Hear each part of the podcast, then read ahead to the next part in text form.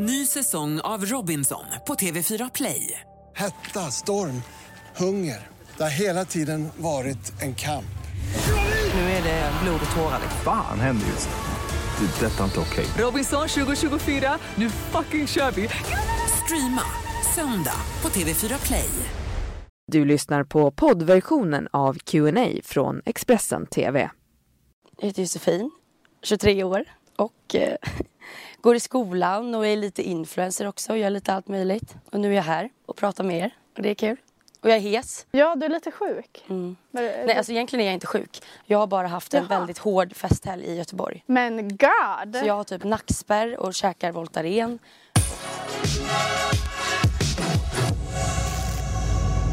Josefin! Hej! Välkommen hit! Tackar. Vad säger du för någonting där borta, man lilla hesa rösten? Ja, fan. Ja, du berättar, du är inte sjuk. Nej, jag är ju inte det. Det här är liksom festspår som sitter här inne.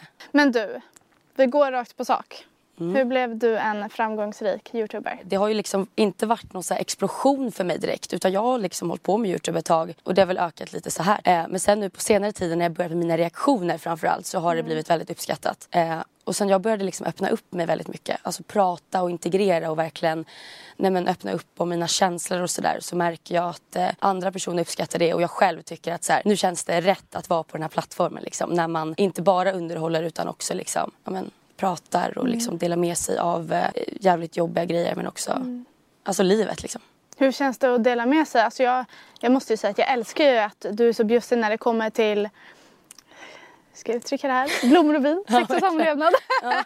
Nej men du går ju verkligen in på djupet på riktigt. Du berättar ju liksom om när du öppnar upp med ficklampa mellan dina kompisars ben. Ja, precis. Det, det tycker jag alla ska göra för det var, det var intressant. Alltså det är kul. Jag, tycker, alltså, jag älskar ju... Men där, du tycker att alla vi ska... Eh, När det är med ens vänner. Alltså, Ja. här, killar är så himla öppna och ni vet man går runt i omklädningsrum och man är naken. Ja. Men tjejer har liksom varit, så här, det varit bakom handduken och så här, Ja. titta inte på mig typ. Och så tyck, alltså, jag tror att man blir mer bekväm i sin egen kropp om eh, Mm. man börjar liksom samarbeta vi tjejer också. Alltså jag är liksom 23 år och eh, fick se mina bästa vänners underliv för första gången. Sen alla är inte bekväma heller. Nej. Men de här två är extremt bekväma. Jag skulle inte säga att jag bara här på Mr French toalett liksom.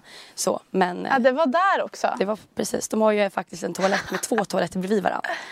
Så de slängde dem upp med varsin fot så här? På, Exakt. Nej, men det, var, det var så till. Ja, men spännande. Men ehm, för oss då som inte har såna här vänner. eh, hur ska man göra? Jag tänker att det, jag är en av dem som springer fortfarande med handduken så här. Hur, hur ska vi göra liksom för att bli mer bekväma? Gud jag vet inte men jag tror väl att det, är så här, det måste bli mer normaliserat. Alltså så här, är det så att alla står och döljer sig själva så kanske det inte är jättelätt att växa upp med att så här är jag. Liksom. Eh, och jag vet egentligen inte hur det blir så att killar springer nakna för varandra och tjejer in. Alltså jag vet liksom inte vad det grundar sig i typ. Men det är väl så långt tillbaka att tjejer ska inte vara lika liksom, sexuella och öppna och sånt där. Vad får du för respons när du pratar så öppet och så på din Youtube? Alltså jag, hittills har jag fått väldigt alltså, bra respons. Jag är väldigt skonad från hat, vilket är väldigt skönt. Många hatar ju bara för att hata. Eller liksom sitter där hemma och... Men att man... Alltså jag kan ju tänka själv när jag liksom var 11, 12, 13. Hade det funnits någon då på Youtube som liksom öppnade upp sig om sånt här och liksom kände det jag kände så hade det varit asskönt. Så det har varit bra respons på, på den biten, absolut. Du är en sån här skolläkare man önskar att man hade. men man behöver inte gå dit. liksom. Nej, men alltså, jag ja, men alltså, det är ju så bra och så viktigt med dina följare också. Känner du något typ av ansvar? Och... Jo men det gör man ju lite, absolut. Ja. Alltså faktiskt så gör man ju det. Likaväl som när man typ får samarbetsförfrågningar och sånt så tänker man ju jätteofta på, eller jag i alla fall, på vad det kan leda till för de som följer och sånt. Alltså så här, man ska verkligen ta vara på de som eh, följer den och verkligen. Om vi ska dela med oss då. Nu får du tänka lite snabbt här, stackarna har inte varit förberedd på det här. Men dina tre eh, liksom tips eller tricks eller vad skulle det vara? Nej men att man aldrig är, alltså rent konkret, alltså så här, man är aldrig ensam i sina problem. Typ. Alltså man är verkligen inte det. Det är många som skriver och har komplex över liksom vad som helst. Det är många som har hört av sig till mig efter. Och det är ofta man sitter och bara, varför är det så här? Det är något fel på mitt underliv. Eller varför är det så? Nej. För att det är så många liksom som sitter med exakt samma problem. Eh, och bara så här, det här är din kropp och så är det liksom. Man kan inte göra så mycket eh, åt det. Och jag vet att man kan ha komplex och så mycket saker är skitjobbigt. Men alla sitter ju i eh, samma båt. Sen tycker ju alla att det är olika jobbigt såklart. Men man är aldrig ensam kring sådana här saker när det kommer till allt från sex till mens till, ja. Så att det, är- det är så jävla normalt liksom. Det är synd att det ska vara någon jobbig grej. Gud vad fint, jag blir så himla glad. Det, verkligen. är verkligen en bra grej. Vad väljer du att inte visa på Youtube?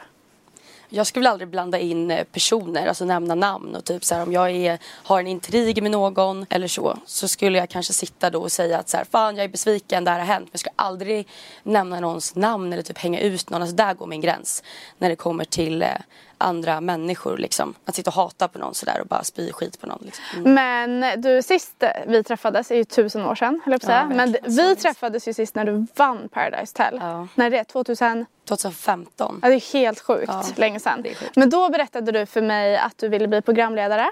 Ja. Eh, det känns ju som att din dröm eh, är i hamn nästan. Va? Alltså, Hur då? ja, men du har ju ditt eget program. Ja. Flera Så hundratusen följare. Du har ju så Nu många blev jag social- glad när du sa det så. Ja, Ja, det var ju sant. Kul att du nämnde det. Alltså det är ju skit, alltså det är verkligen något man säger, fy fan vad roligt att vara programledare. Sen nu tror jag också i kombination med att jag går i skolan och sådär så det är mycket annat i skallen. du kommer ju direkt från skolan nu ska sägas. Ja. Det är helt stört hur du gör det här samtidigt. Ja, Får du någon vila? nej, Nej. nej. Och det är väldigt viktigt att återhämta sig för att jag har verkligen hamnat i backen, alltså verkligen. Det här med när man går in i väggen och typ får depression och bara får ångest och till slut sitter man kan inte andas och så här. Det är väldigt viktigt att eh, ta sin hälsa först liksom. Alltså det var egentligen ingenting som hände det här med att jag hamnade i en depression utan det var mer att jag bara innan jag skulle träffa människor så fick jag ofta svårt att andas och jag har varit inne på akuten och de har röntgat mina lungor och jag har liksom trott att så här, det är något allvarligt fel på mig. Men det kom ju fram sen att det bara var mitt eh, mående liksom. Och det var mycket att jag kände mig vilsen. Alltså en tid efter Paradise, vem är jag och vad gör jag och vill jag hålla på med det här? Vill jag vara i rampljuset? Alltså jag kände inte att jag eh, tillfredsställdes och gjorde något vettigt liksom. Allt kändes bara så här, vad håller jag på med? Eh, jag tror det var det som alltså, utlöste den här depressionen där jag liksom bara drog ner rullgardinerna och inte pratade med någon. Eh, och fick, jag har ju fått hjälp med medicinering och liksom att komma på banan. Eh, och nu är det ju alltså, jättebra. Så det finns ju hjälp att få liksom. Du pratade om någon backe Mm. nyss. Är, det, är du kvar liksom där nere eller börjar det gå? Nej det är jag verkligen inte och jag Nej. får inte heller de här extrema nedförsbackarna liksom, Nej. Där man bara vill usch. Så där, jag är verkligen inte där alls. Men eh, det är ju ja, det är hemskt att gå igenom liksom. och man måste ju ta sådana här saker på allvar. Mm. Alltså verkligen. För det kan gå jävligt fort ner. Du fick hjälp med medicinering sa Ja, du? precis. Vad är det för någonting? Alltså antidepressiva liksom. Eh, och jag var extremt skeptisk till det i början för att det känns så här, det är, jag tror att det är andra grejer man måste arbeta på, inte ta en tablett liksom. Eh, men alla har väl sin egna väg upp liksom. Men jag vet inte vad jag har gjort. Alltså jag slutade ju, alltså jag gjorde ingen YouTube på hela typ sommaren utan jag bara stängde av och bara försökte liksom börja må bra och successivt så kom jag upp på banan igen liksom. Det, men det tog ju tid, alltså det var ändå tufft ett tag. Men jag pratade ju inte om det då direkt. Utan det var ju när jag började liksom komma tillbaka som jag kände mig stark nog att prata om det liksom. För nu mår jag ju bra. Du lever ju lite i, eh, som många av oss andra, sociala medier-världen. Ja. Eh, jobbar i en kanske lite ytlig bransch får man väl ja. ändå säga. Youtube det ju. handlar ju om att titta Absolut. på TV. Ja.